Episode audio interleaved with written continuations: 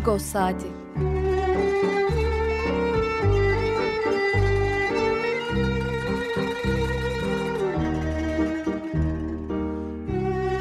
Haftalık Agos gazetesinin penceresinden Türkiye ve dünya gündemi. Agos'un mutfağından haberler, söyleşiler, olaylar.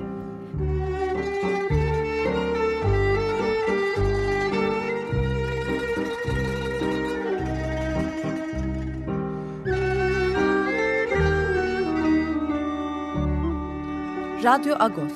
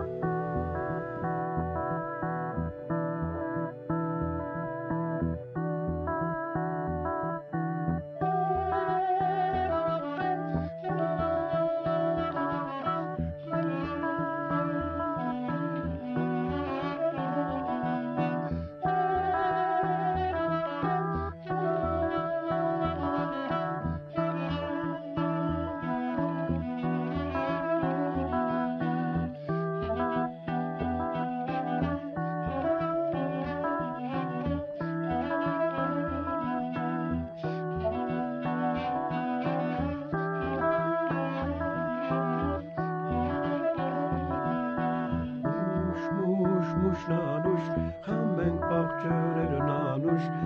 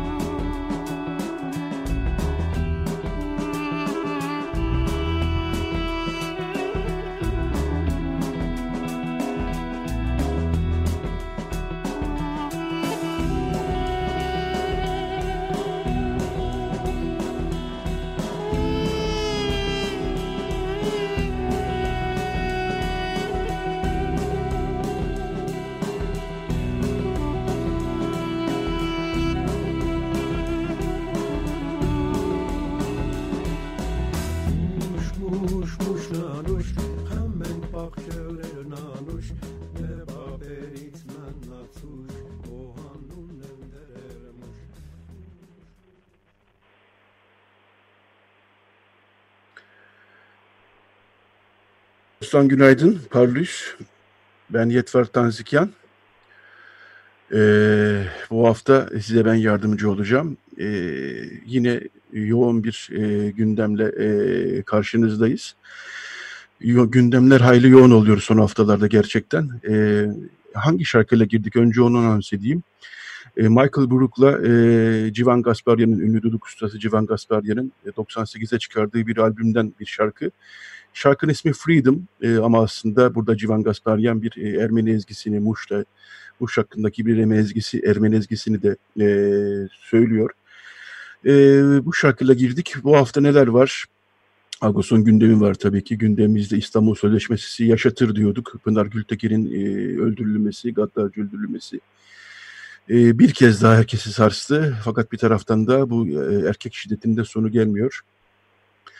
E, ama e, dünkü e, Ayasofya'nın açılışı tabii bir taraftan da e, gündemin e, ön sırasına e, ister istemez oturdu. E, son bölümde saat 10'da Apoya Matini gazetesi yayın yönetmeni Mihail Vasilyadis ile bir bağlantımız olacak. E, 9.30'da e, ikinci bölümde avukat Hürrem Sönmez de bu hafta Ağustos içinde bir yazı kaleme almıştı. Onda erkek şiddetini ve e, İstanbul İstanbul Sözleşmesi'nden çıkma tartışmalarını hükümet çevrelerinde çok dillendiriliyor çünkü bu tartışmalar. Onu konuşacağız. E, bu bölümde ise e, çoğu hafta yaptığımız gibi Pakrates Tukyan'la hem Agos'un hem Türkiye'nin gündemini konuşacağız. E, iki önemli gelişme var tabii yine bu hafta sonuyla ilgili.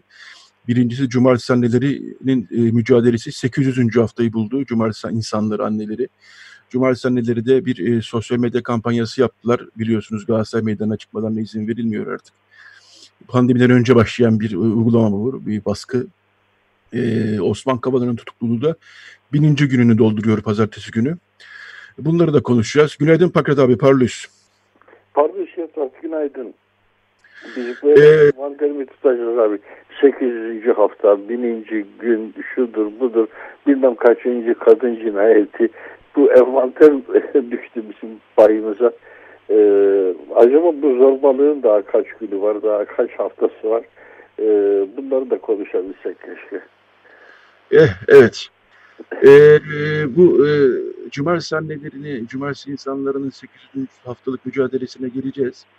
E, ama e, gündem e, hakikaten e, Ayasofya'daki e, ibadet Ayasofya'nın ibadet açılmasıyla hakikaten e, gayet e, yoğun. E, konuşulacak çok şey var. Diyanet İşleri Başkanı'nın e, elinde kılıçla e, minbere çıkması. E, Freslerin örtülmesi, e, dünyadan gelen tepkiler e, bir taraftan ve e, seni de arıyorlar tahmin ediyorum. Hafta boyunca, iki haftadır daha doğrusu yabancı basın sürekli beni arıyor. E, Hristiyanlar, Ermeniler ne düşünüyor diye soruyorlar. E tabii bundan çok da mutlu olamazlar diyorum. Yani sonuçta bir e, müzeydi bu. Bu müze olması Türkiye'nin en azından böylesi bir konuda bir dünya mirasına sahip çıkmasının göstergesiydi ve e, bir tür e, sekülerizmin de e, simgesel de olsa bir göstergesiydi. Ama dünkü manzaralar gerçekten e, biraz e, din, din özgürlüğü ve Türkiye'deki e, Hristiyanların, azınlıkların kendilerini biraz daha olabildiğince diyeyim burada kendilerini ülkelerinde hissetmeleriyle ilgili düşüncelerine biraz darbe vurmuş oldu bir kez daha. Sen izleyebildin mi abi? Be Yetvat, yani e, mutlu olmazlar mı acaba yani e, ne de olsa e, sağa sola bilinçsizce koşuşturan ellerinde fotoğraf makinesiyle koşturan turistler yerine huşu içinde dua edecek olan bir kitle görecekler Ayasofya'da. Bu mutluluk verici değil mi? Dün o kitleyi gördük yani e, Sultanahmet sokaklarında falan o kitleyi gördük. Huşu içinde ibadete koşan kitleyi nasıl bir kitle olduğunu. E, kimileri de belki mutludur yani bu durumdan. Kimi Hristiyanlar. Mümkündür, olabilir evet. Öyle diyeyim ben size. E, şu notu da tabii e, gelişmeleri özetliyoruz bir taraftan burada. E, Ortodoks Kilisesi dün için dünü bir yaz günü ilan etti.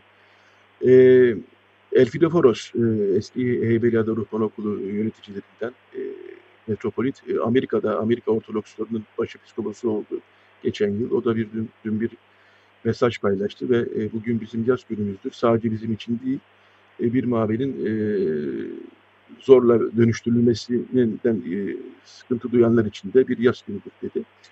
Öyle gelişmeler de oluyor. E, onu da söyleyelim. E, açıkçası e, en çok e, dikkat çeken iki nokta var. E, Birçok şey dikkat çekiyor tabii ama gerçekten Diyanet İşleri Başkanı'nın elinde kılıçla minbere çıkması.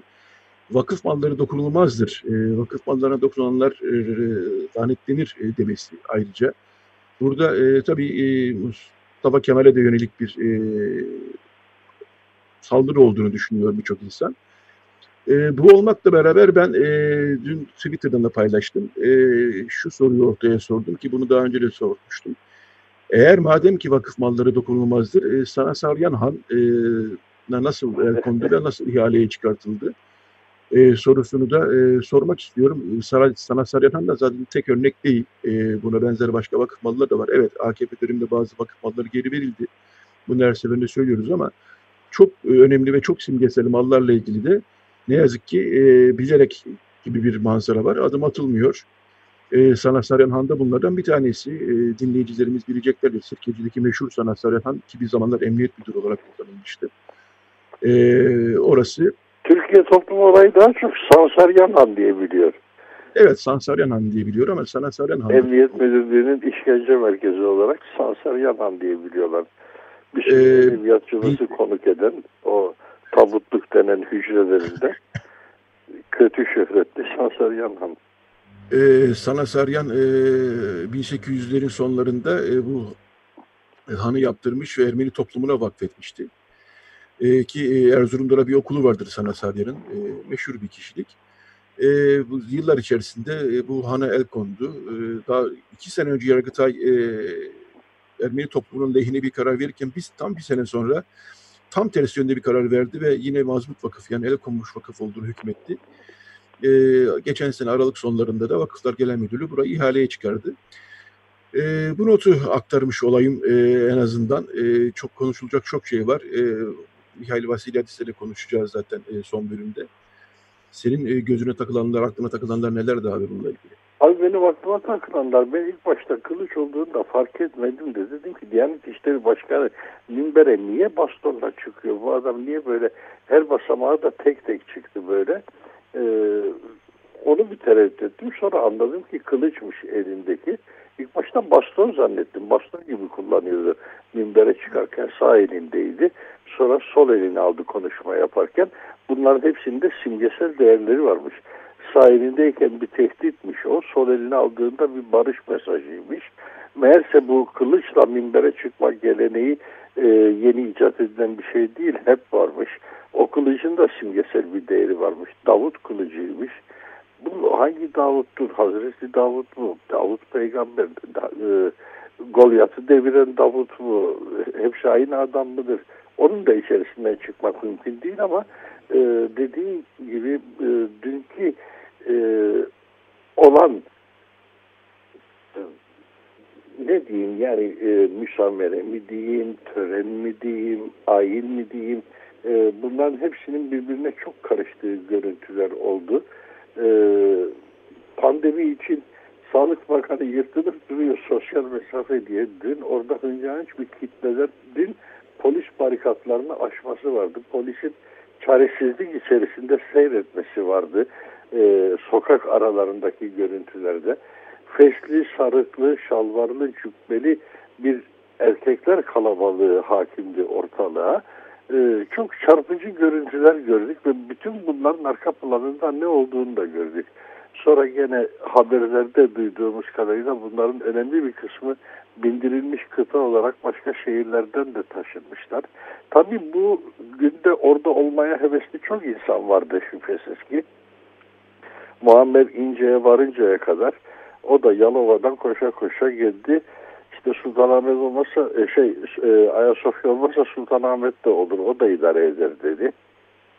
Oradaki namaz da Allah'a ulaşır dedi. Yani e, ilginç görüntüler, ilginç açıklamalar, ilginç bir tablo vardı dün. Bir kargaşa ortamında bir tablo. Tabii ki mabedin içinde hiçbir kargaşa yoktu. Çünkü oraya insanlar bir protokolle alındılar. Belli sayıda insan.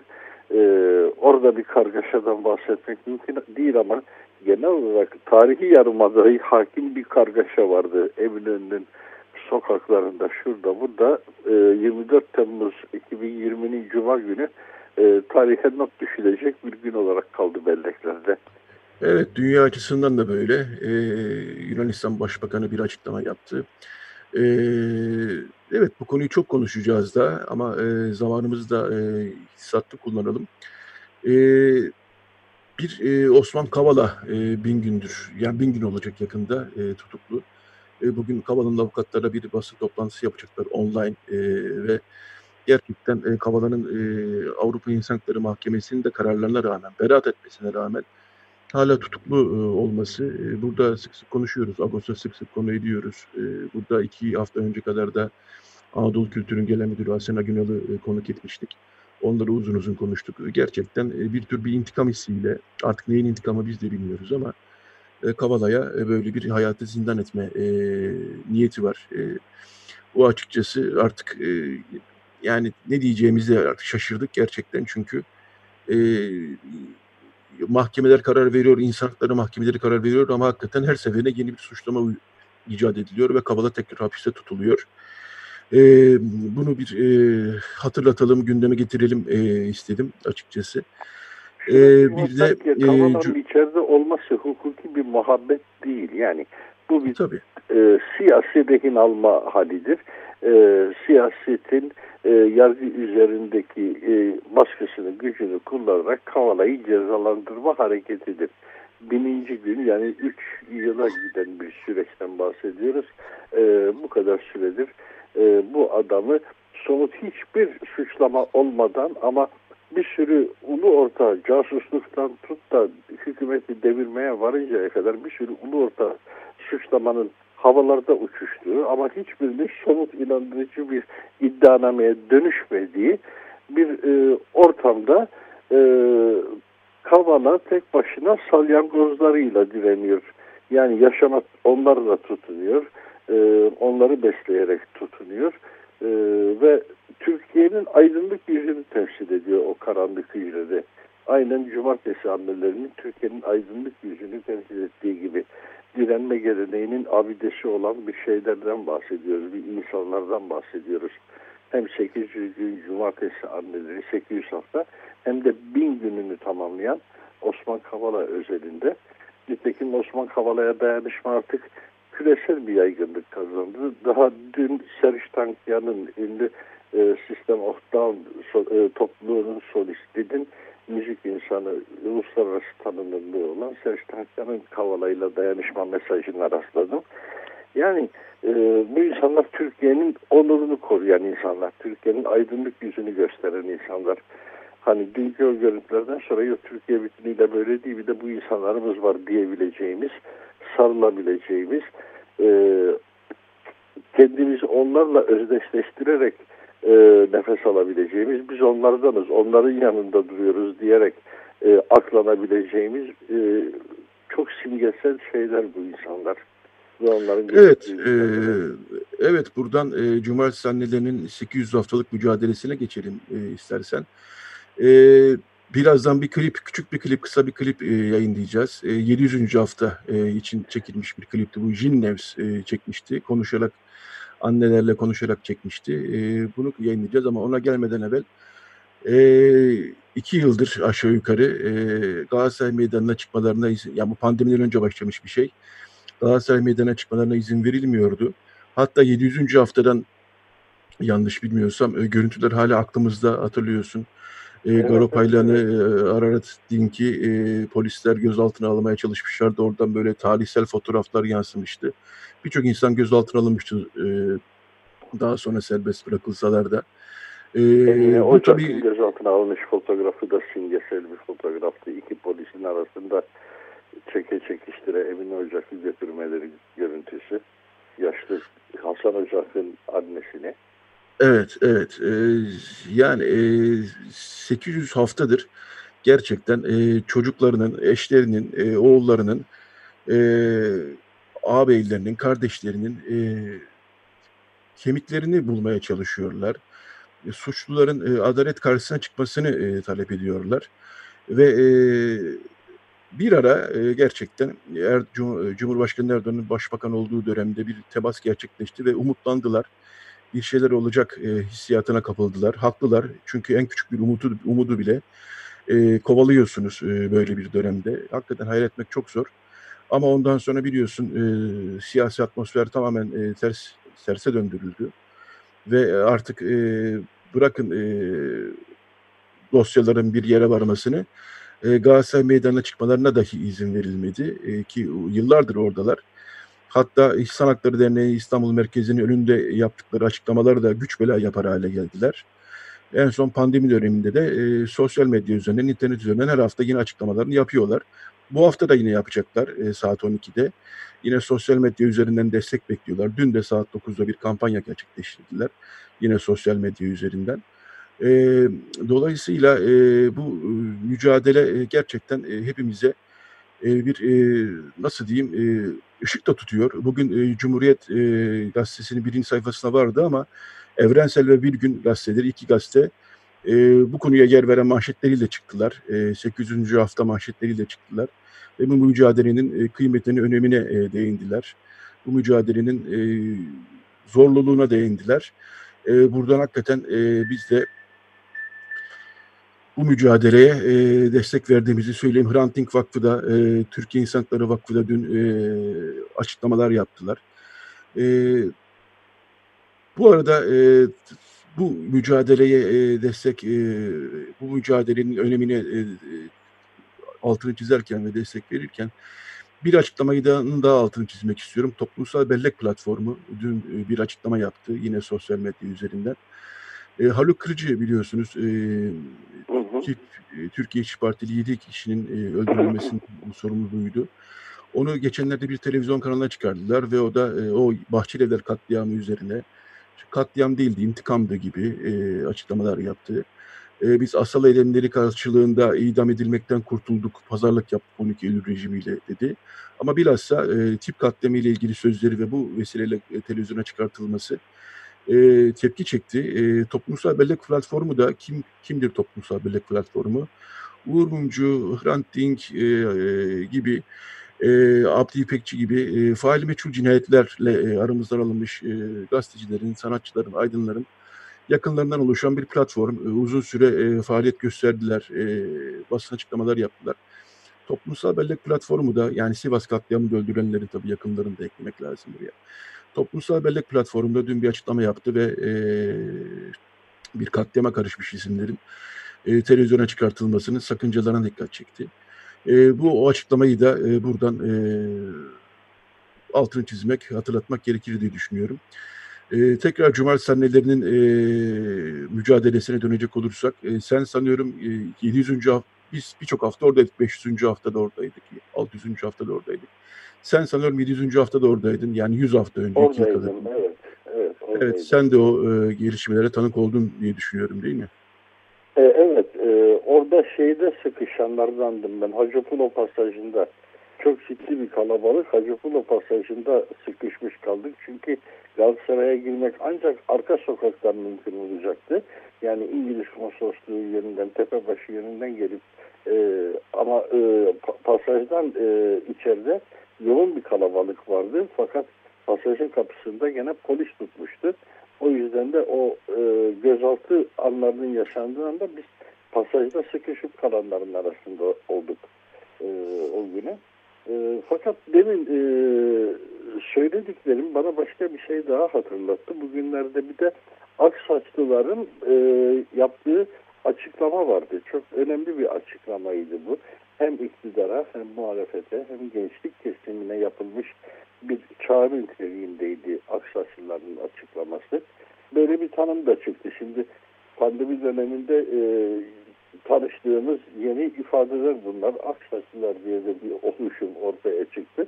Herhalde e, saat 8'den sonra sokaklarda dolaşmaması gerekenlerden oluşan bir grup 65 yaş üstünden.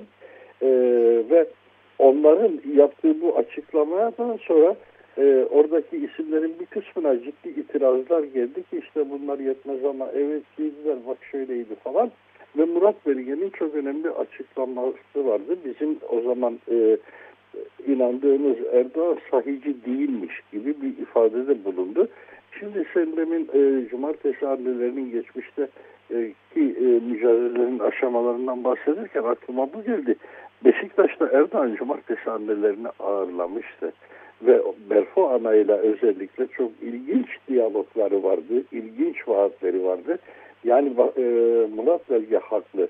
O Erdoğan ve bu Erdoğan başka başka insanlar. Bugünkü Cumhurbaşkanımız ve o zamanki e, iktidarı temsil eden, henüz başbakan konumunda olan e, ama ülkenin siyasi yönünü belirleyen insan aynı insan e, olamazlar. ve Murat Belge'ye hak vermemek mümkün değil buradaki yanılgıdan ötürü. Kimi çevreler e, bu konuda vur abalayan e, misali her fırsatta bütün günahları kalkıp e, yetmez ama evet diyen e, sol tandanslı insanlara yüklüyorlarken e, bu parantezi de açmak faydalı oldu zannediyorum. E, çünkü evet Aksaçlılar da bunun bir daha kanıtı oldular. Onların arasında da bir kısmı o zaman yetmez ama evet diyenlerdi. E, bu parantezi bir açmak istedim abi. Evet, e, bu 101 Aksaçlı e, bildirisine baktığımız zaman zaten e, ilginçliği ve önemi şu, farklı siyasi kesimlerden bir araya gelmiş isimler ve Türkiye'nin son 40 yıllık, 50 yıllık mücadelesine tanık olmuş isimler. Dolayısıyla bu konuya sadece bu açıdan bakmak gerçekten yanıltıcı olur. İçlerinde şöyleler var, böyleler var filan gibi. Hatırlatalım, Raquel Dink de onların arasında. Yani kamuoyundan tanıdığımız çok sayıda Türkiye'nin son 40-50 yıllık mücadelesine tanık olmuş, o mücadeleye omuz vermiş birçok insan e, o 101 kişinin arasında. E, dolayısıyla e, onların da iktidara, e, muhalefete, e, tabii muhalefete de bu aralar çok eleştiri var. Haklı eleştirilerde çünkü hakikaten e, bilhassa CHP bir kenara çekilmiş. Ne olup bittiğini izlemekle meşgul. E, buna yönelik e, eleştiriler e, var yüz, Aksaçlı, 101 Aksaçların bildirisinde. Onu zaten e, Ağustos'ta ve Ağustos'un internet sitesinde bulabilirsiniz bu bildiriyi.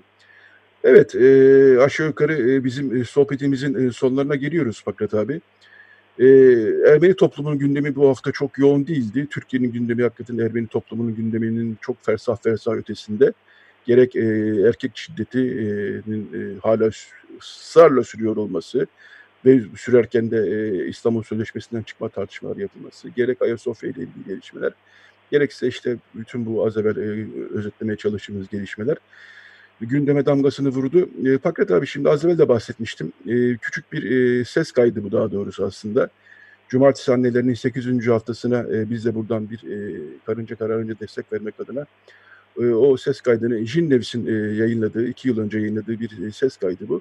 Orada artık e, kaybettiğimiz isimler de var. E, Elma Seren mesela Hayrettinlerin e, annesi. Annesi, evet. o, o konuşuyor. E, Emine Ocak konuşuyor, Hasan Ocak'ın annesi. Ferhat Tepe'nin annesi Zübeyde Tepe konuşuyor. Sabriye Maltu konuşuyor.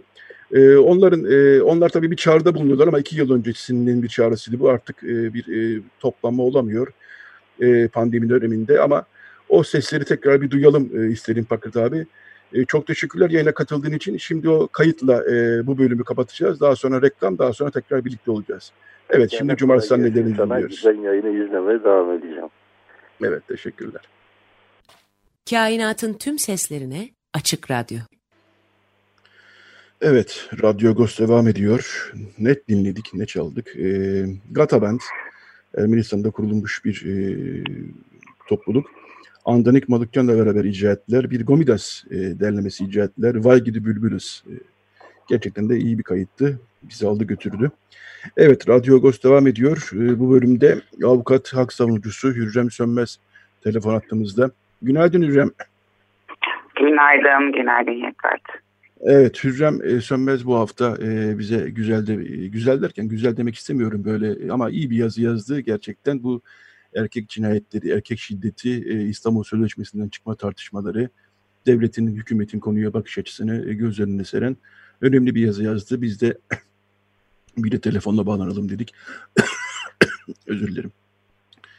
Evet Hürrem, e, Pınar Gültekin cinayetiyle gaddarca bir cinayetti. Çoğu cinayetti, bütün cinayetlerdeki gibi gaddarca bir cinayetle tekrar hafta boyunca e, sarsıldık. E, sen ama iyi bir özetleme yapmışsın ve demişsin ki her cinayetten sonra Aile ve Sağlık Bak Aile Bakanlığı bir açıklama yapıyor.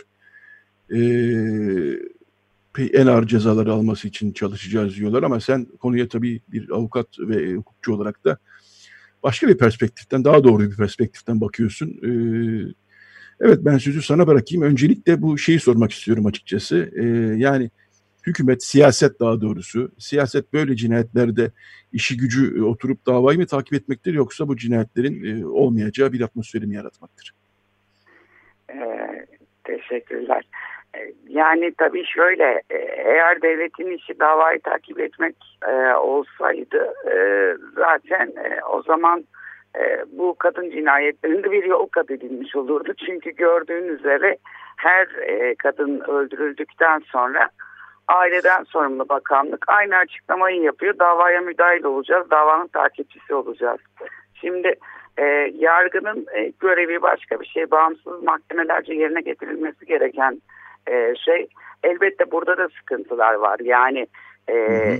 bu eril zihniyetin yargıdaki etkilerini kimse zaten ikna, e, inkar edecek durumda değil. Ama e, davaların takibi konusunda kadın örgütleri e, ve e, kadın avukatlar e, zaten bunun gere gereği gibi yerine getiriyorlar. Dolayısıyla e, kadından sorumlu bakanlık e, tabii öyle de diyemiyorum artık aile bakanlığı oldu biliyorsunuz. E, bu başka görevleri var yerine getirmesi gereken yapması gereken başka şeyler var.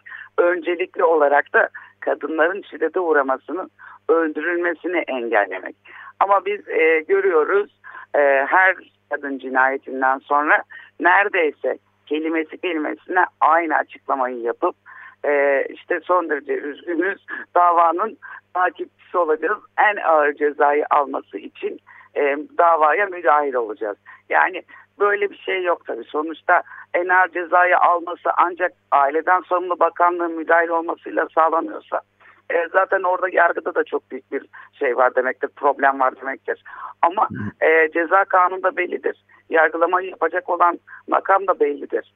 E, dolayısıyla e, bakanlığın böyle bir açıklama yapması zaten e, tamamen bomboş havanda su, su döven bir açıklamadır. Yapması gerekenleri yapmıyor. Üzerine düşen yükümlülükleri yerine getirmiyor. E, davanın öldükten sonra kadınlar davaya müdahale olacağız diyor. Bomboş bir açıklama, bomboş bir laf yani.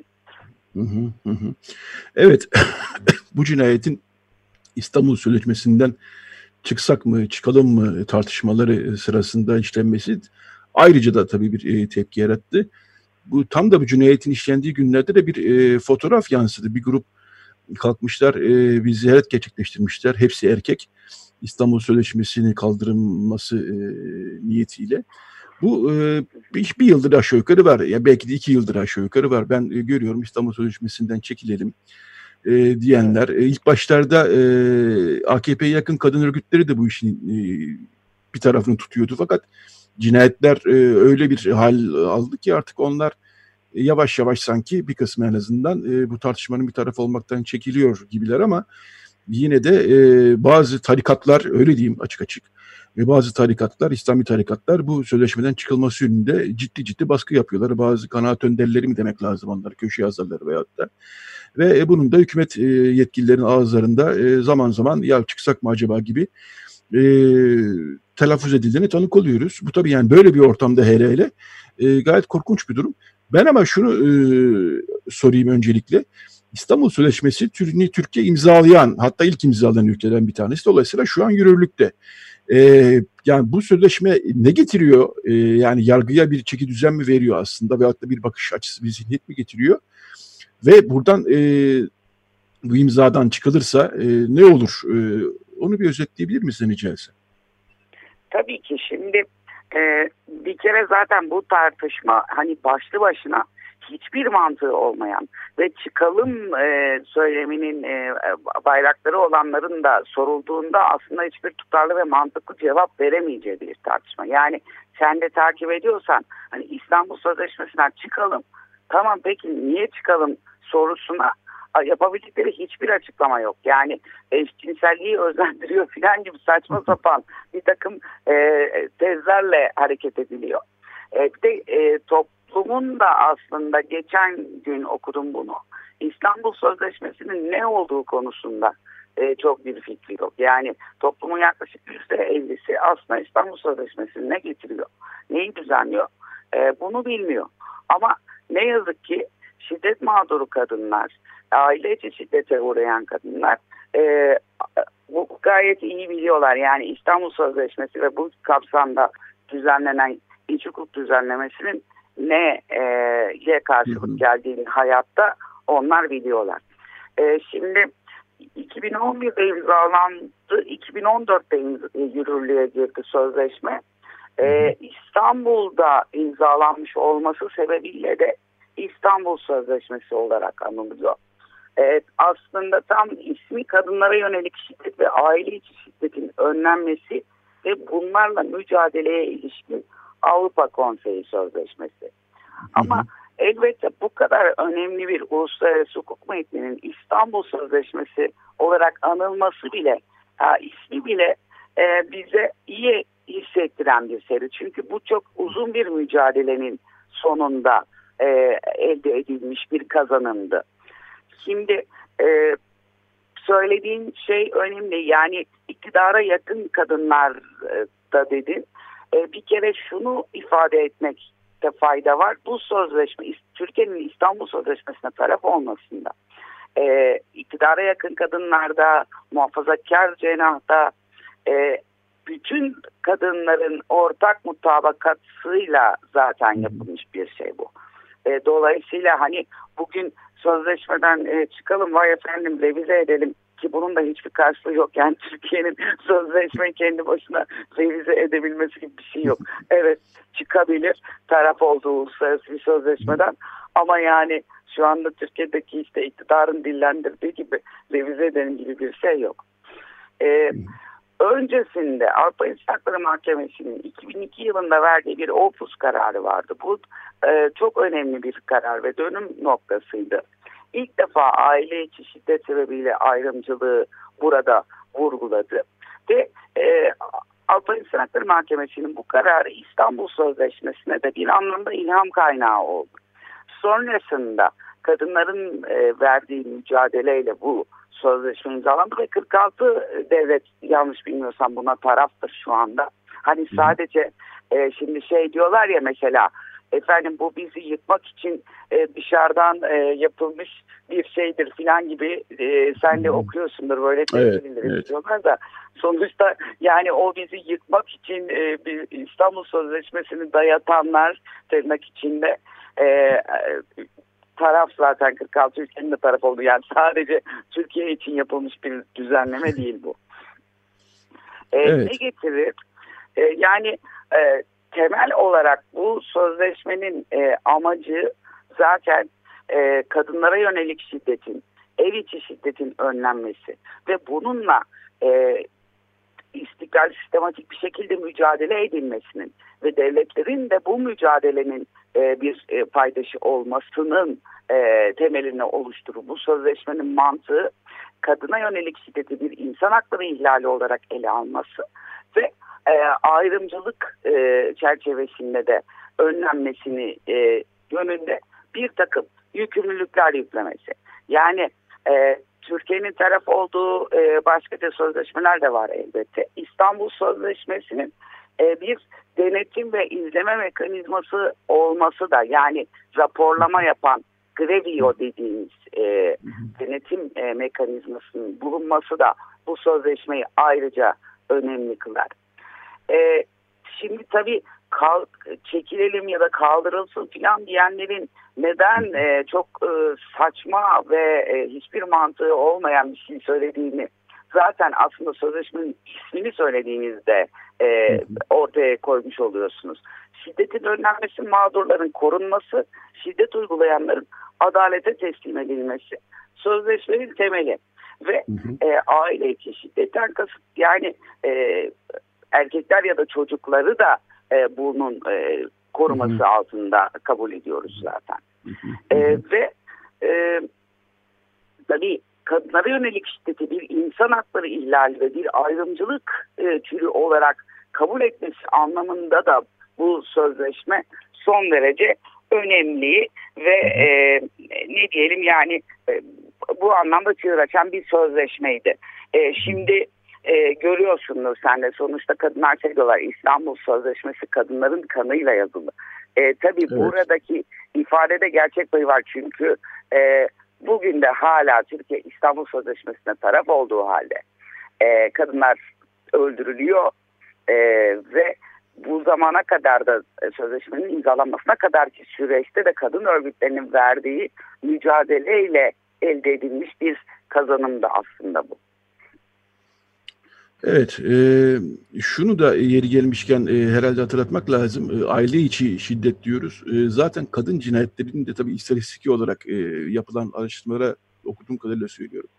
Zaten kadına yönelik yani erkek şiddetinde büyük oranda kadınların tanıdıkları, e, bildikleri e, ya eşleri ya kocaları ya da işte bir şekilde e, beraber oldukları ki erkekler tarafından gelmesi zaten bu sözleşmenin e, önemini e, ortaya koyuyor. Yani kadınlar gerçekten tabii, tabii. E, yani şiddet büyük oranda ev içinde veyahut da e, boşanmaya çalışan, boşanmak isteyen bir kadının e, eski erkek arkadaşı, eski kocası tarafından uygulanan bir e, şiddet oluyor.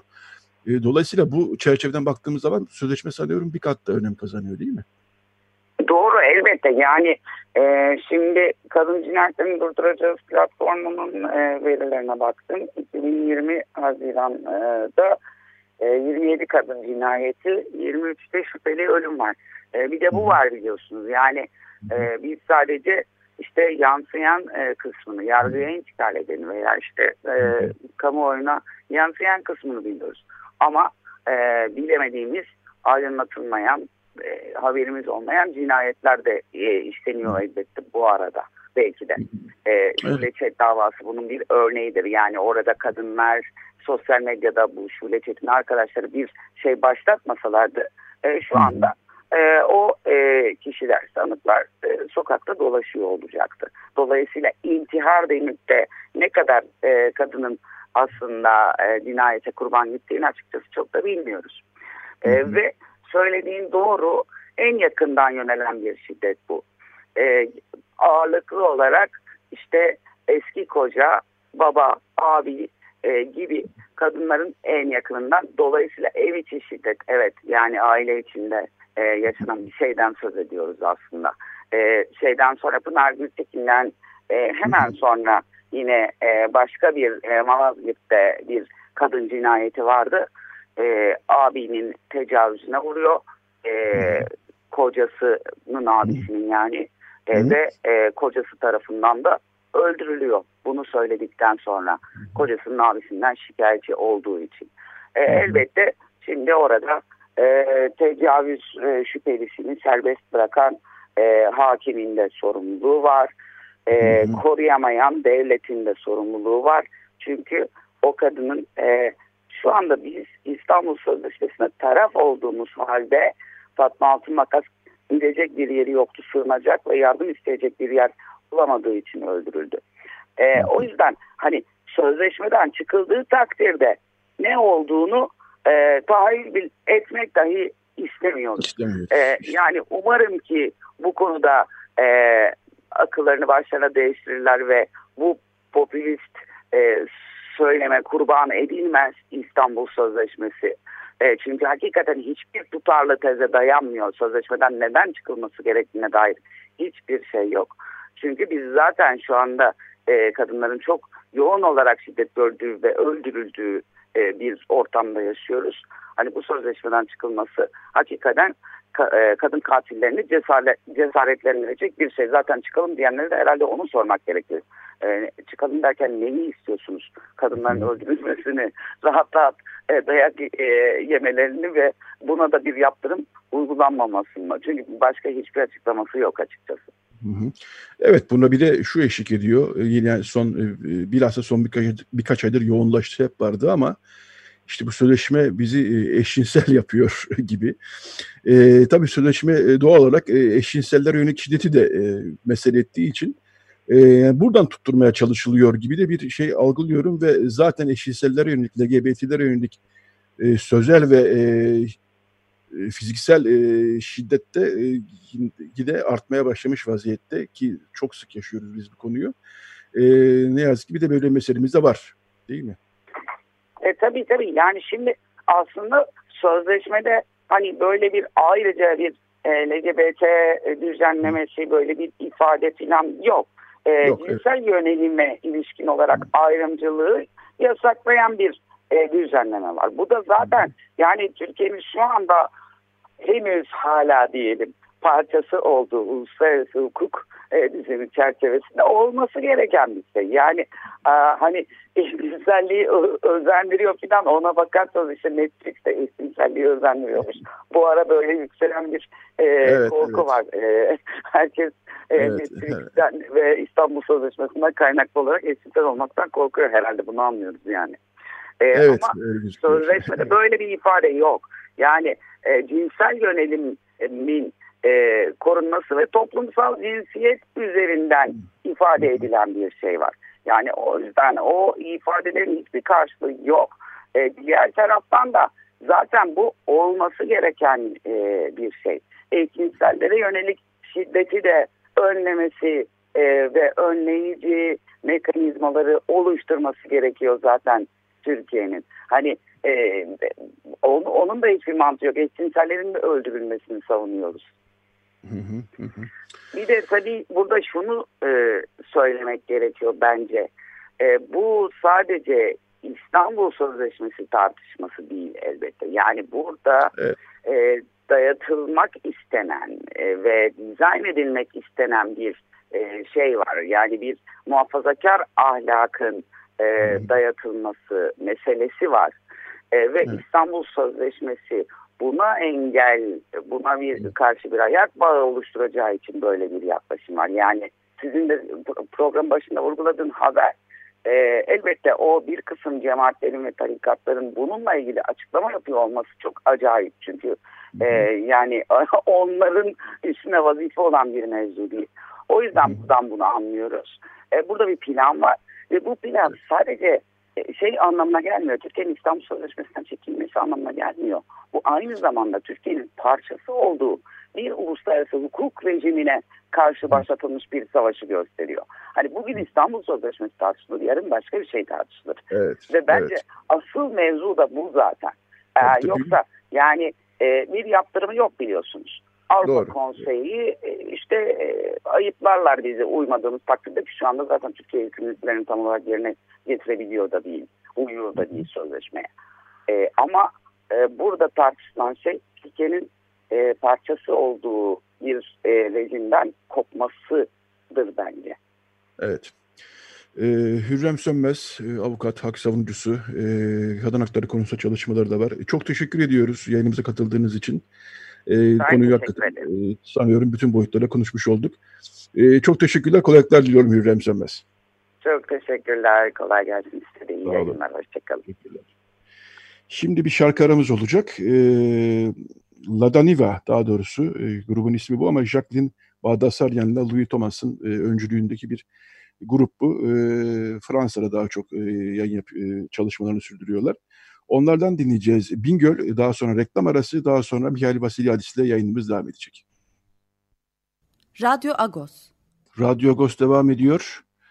Ee, bu bölümde e, Apoya Matini Gazetesi Genel Yayın Yönetmeni e, Mihail Vasilyadis ile e, konuşacağız. Mihail abi günaydın. Günaydın. Ses çok zayıf geliyor. Şimdi nasıl? E, şimdi nasıl e, Mihail abi? Şimdi biraz daha iyi. Biraz evet. daha iyi. Yani mümkün mertebe hızlı e, şey e, sesli tamam. konuşursak iyi olur. Tamam, tamam Mihail abi. Ee, evet. Mihail Vasilyadis, e, Türkiye'de uzun yıllardır e, yayın yapan e, Rumca Gazete, Apoya Matini'nin e, genel yayın yönetmeni. E, Mihail abi e, yoğun bir hafta oldu değil mi hepimiz için? E, bilhassa e, yabancı basın... E, yoğun bir ay bu... yahut iki ayda diyebiliriz. Evet, evet. Ama şu son bir şu son bir hafta e, senin de çok yoğun geçtiğini biliyorum çünkü bilhassa e, yabancı basın, Batı basını, Yunanistan basını senle bize de yaptı gerçi ama senle uzun röportajlar yaptı. E, dolayısıyla e, Ayasofya bütün dünyanın gündeminde. E, Mihail abi Ayasofya gündemine geçmeden önce ben çok kısa şunu konuşmak Hı-hı. istiyorum seninle. Lütfen. E, e, aslında uzun bir konu ama e, zamanımızda çok yok. E, Apoya Matini gazetesini e, zaten zorlukla e, yürütüyordun e, ki azınlık basını zaten zor durumda biliyoruz. Ama şu pandemiden beri sanıyorum daha da zorlaştı değil mi işler? Neler yaşıyorsunuz? Önce öyle başlayalım. Pandemiden evvel de kolay değildi. Ama şu anda pandemiyle e, bir de bahane çıktı. Hı hı. Apoya Matini'ye e, yayınlanmak üzere e, ilanlar verenler biraz daha e, sıktı kendisini. Hı hı. Yani biliyorsun aynen sizin de e, baş başa olduğunuz zorluklar ne yapmak gerekiyor ben de bilemiyorum. Çünkü çare düşünsen çare yok. Hı hı hı hı hı. Ee, evet, e, Mihail abi Apoyamat bazı dinleyicilerimiz bilmiyor olabilir. E, Apoyamatini de e, bazı dinleyicilerimiz e, bilmiyor olabilir. Apoyamatini e, ka- kaç yıl kaç yıldır yayınlanıyor İstanbul'da? Apoyamatini 1925 yılının 12 Temmuz'unda amcalarım tarafından e, yayın hayatına başladı.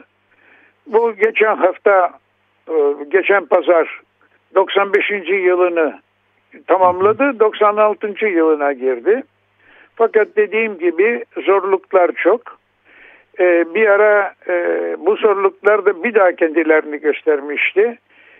Bir e, çaba oldu. Basın ilan kurumundan bizim de azınlık gazeteleri olmakta olarak almaya hakkımız olduğunu düşündüğüm o resmi ilanlar için e, böyle bir mücadele oldu.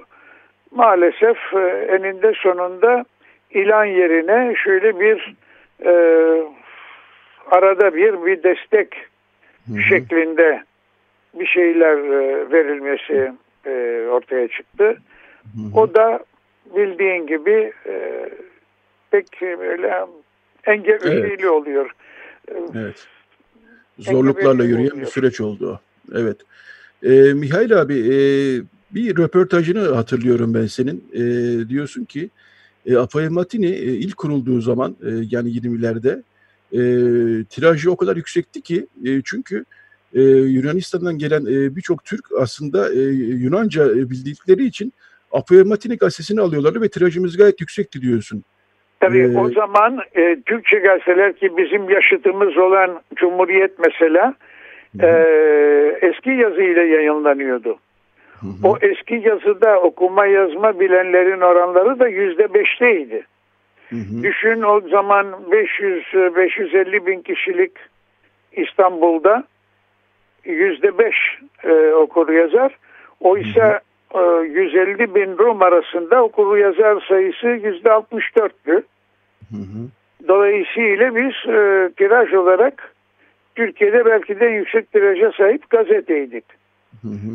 Ancak 1930'lu yıllarda yani yeni yazı kabul edildikten ve öğrenilmeye başlandıktan sonra Cumhuriyet tirajda geçmeye başladı. Ama şunu söyleyebilirim.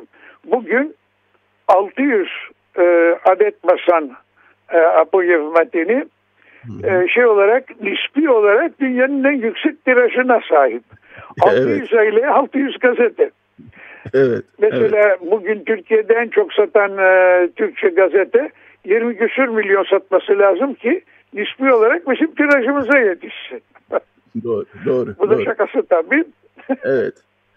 Ee, Mihail abi e, şimdi bir haftadır 10 gündür e, yabancı basın, batı basını e, ya da dünya basını diyeyim ben daha doğrusu sürekli bize şunu soruyor.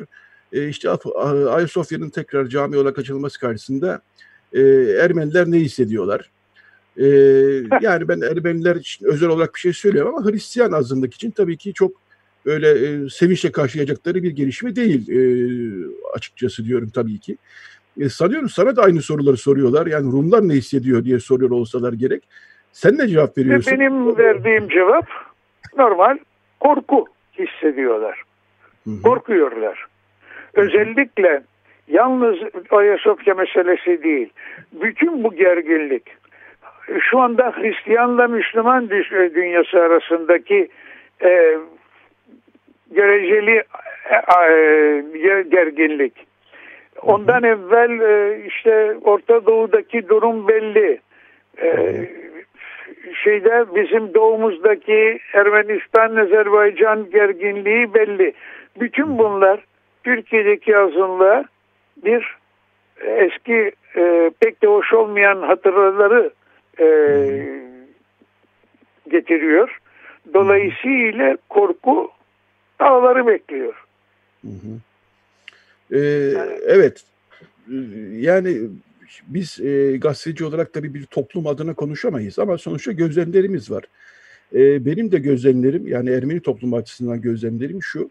E, bugüne kadar siyasette çok fazla ilgilenmeyen, e, yani siyasetten olup bittiğiyle çok fazla ilgilenmeyen, azınlık çoğunluk meselelerine e, şöyle bir bakıp e, işine gücüne bakan e, Ermeni toplumundan e, diyelim e, kişiler bile o Ayasofya meselesiyle birlikte tekrar e, bu işi e, yani ne oluyor, niye böyle bir adım atıldı anlamaya çalışıyorlar gerçekten ve bunun Doğrudur. huzursuz bunun huzursuzluğunu Doğrudur ve hissediyorlar. zorlanırlar da. Çünkü dünkü o olayları görenler özellikle doğru anlamını tam olarak bilmedikleri bir kılıç meselesi de ortaya çıktığında büsbütün e, tedirgin ediyor. Acaba nedir bu ne anlama geliyor? Yani-. Ee, Korkutan yani- bir olay.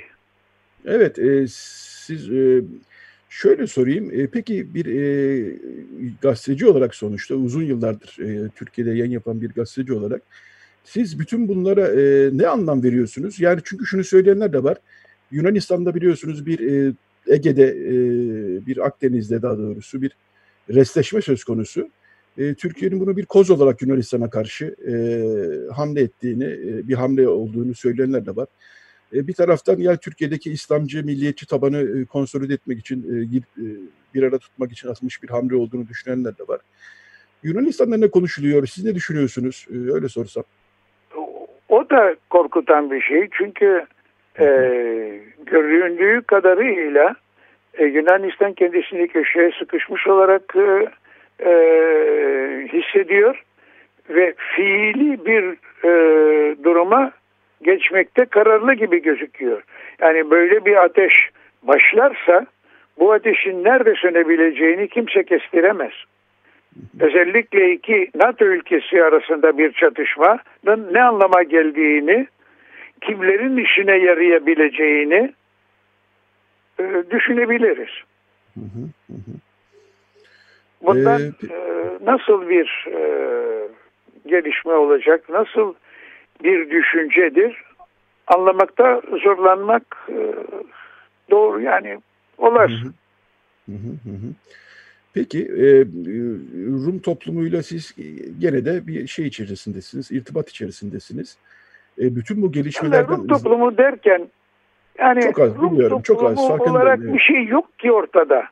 doğru, ben onlara az. artık Rum Rum diyorum. Karetta karetta gibi. Ancak korunması gereken eee, tamamen kaybolmaması için korunması gereken bir toplum.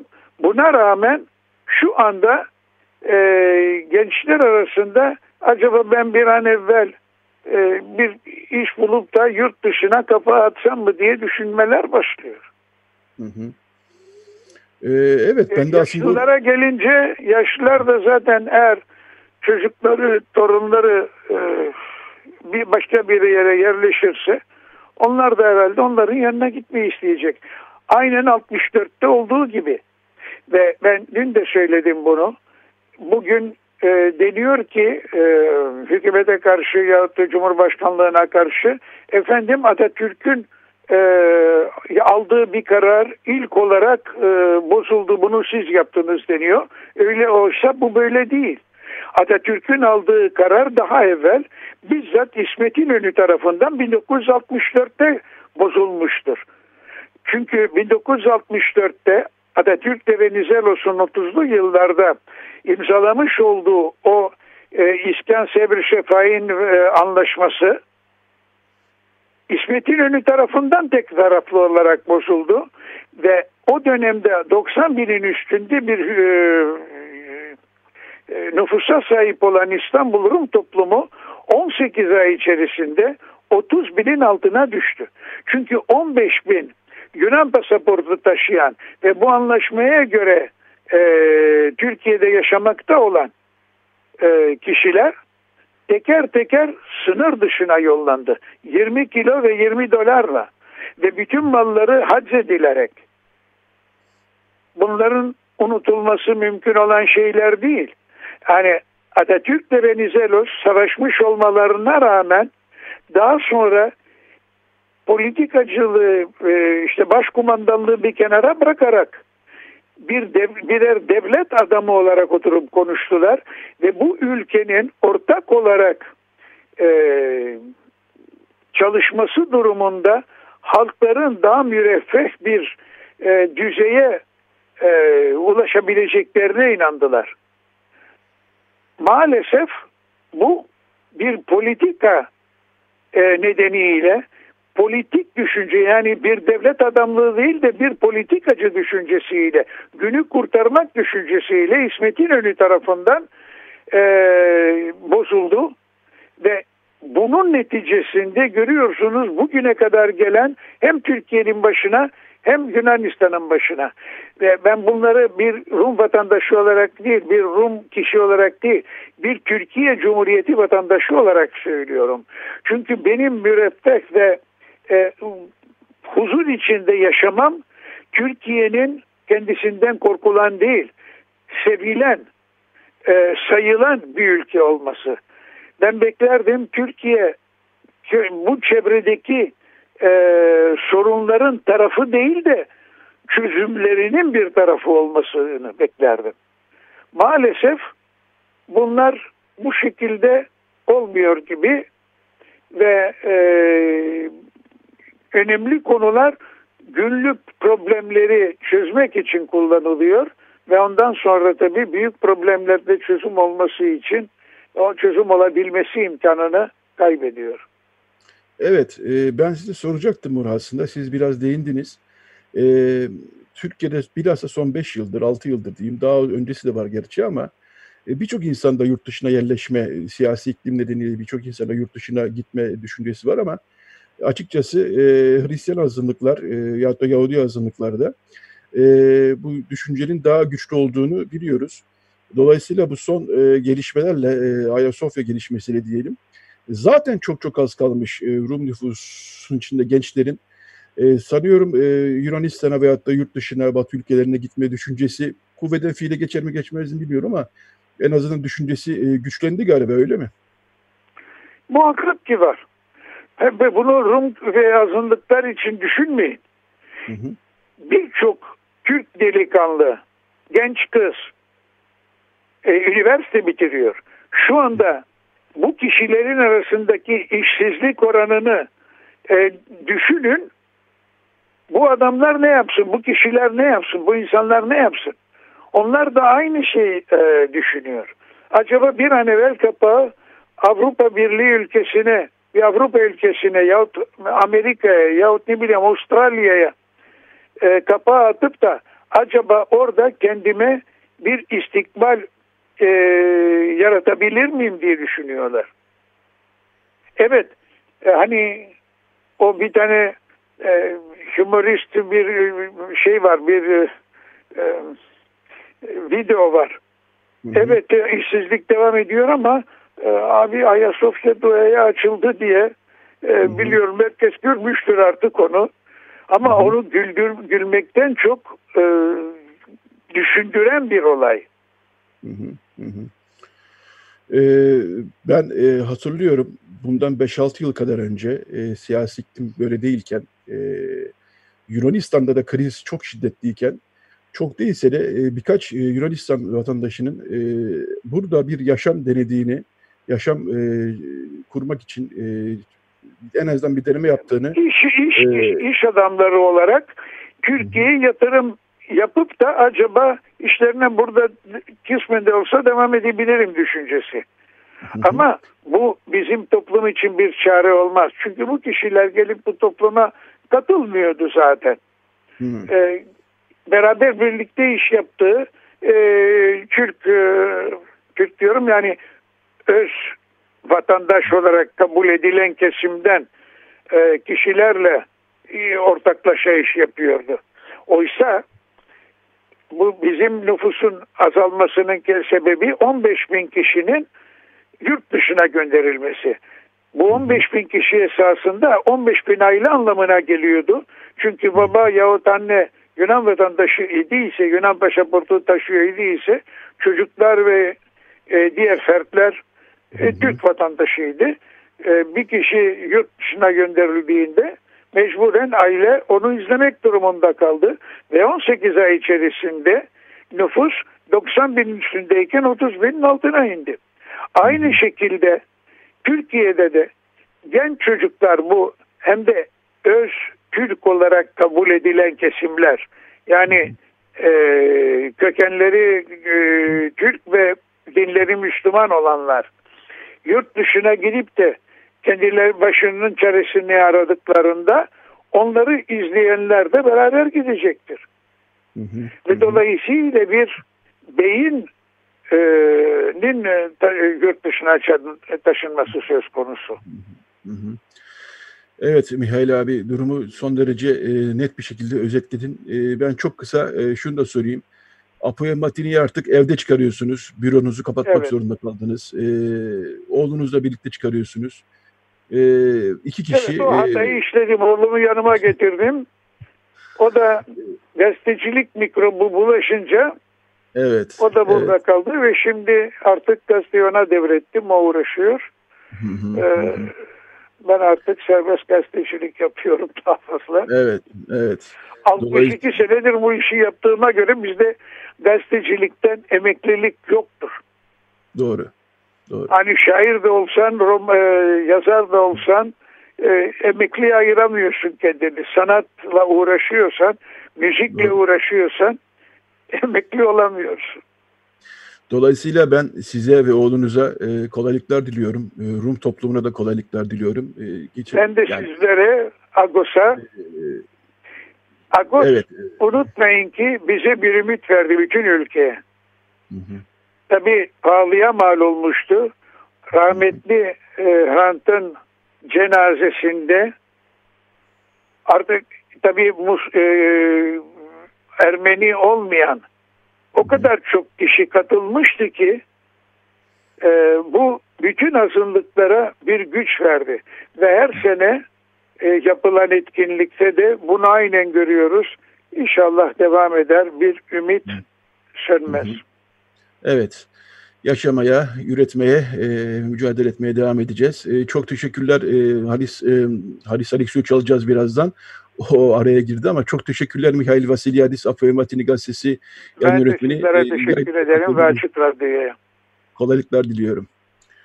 Evet, e, bu yayını da e, Haris Alexiou'yla e, bitirmek istedik. E, Karşıyaka'dan bir sesle bitirmek istedik. Aslında bu yakayla Karşıyaka'nın ortak bir şarkısı. E, biz burada Kadifeden Kesesi diye biliyoruz ama orada çapkın olarak biliniyor. Haris Alexiou dinleyelim. E, Radyo Agos'tan bu haftalık bu kadar. Haftaya yeni bir Radyo Agos'ta buluşmak üzere.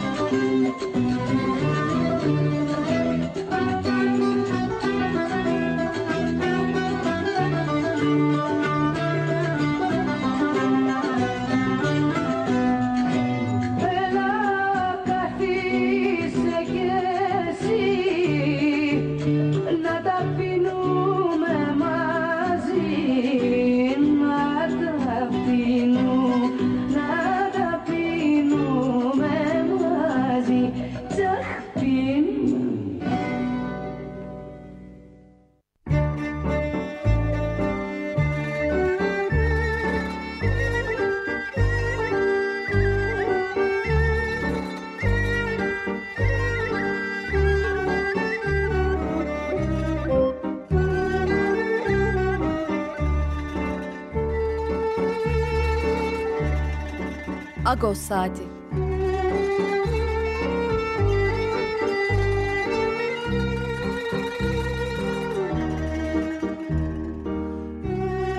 Haftalık Agos gazetesinin penceresinden Türkiye ve dünya gündemi. Agos'un mutfağından haberler, söyleşiler, olaylar.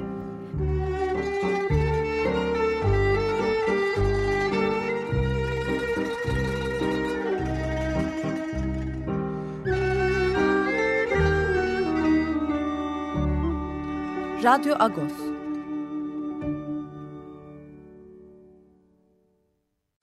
Açık Radyo program destekçisi olun. Bir veya daha fazla programa destek olmak için 212 alan koduyla 343 41 41.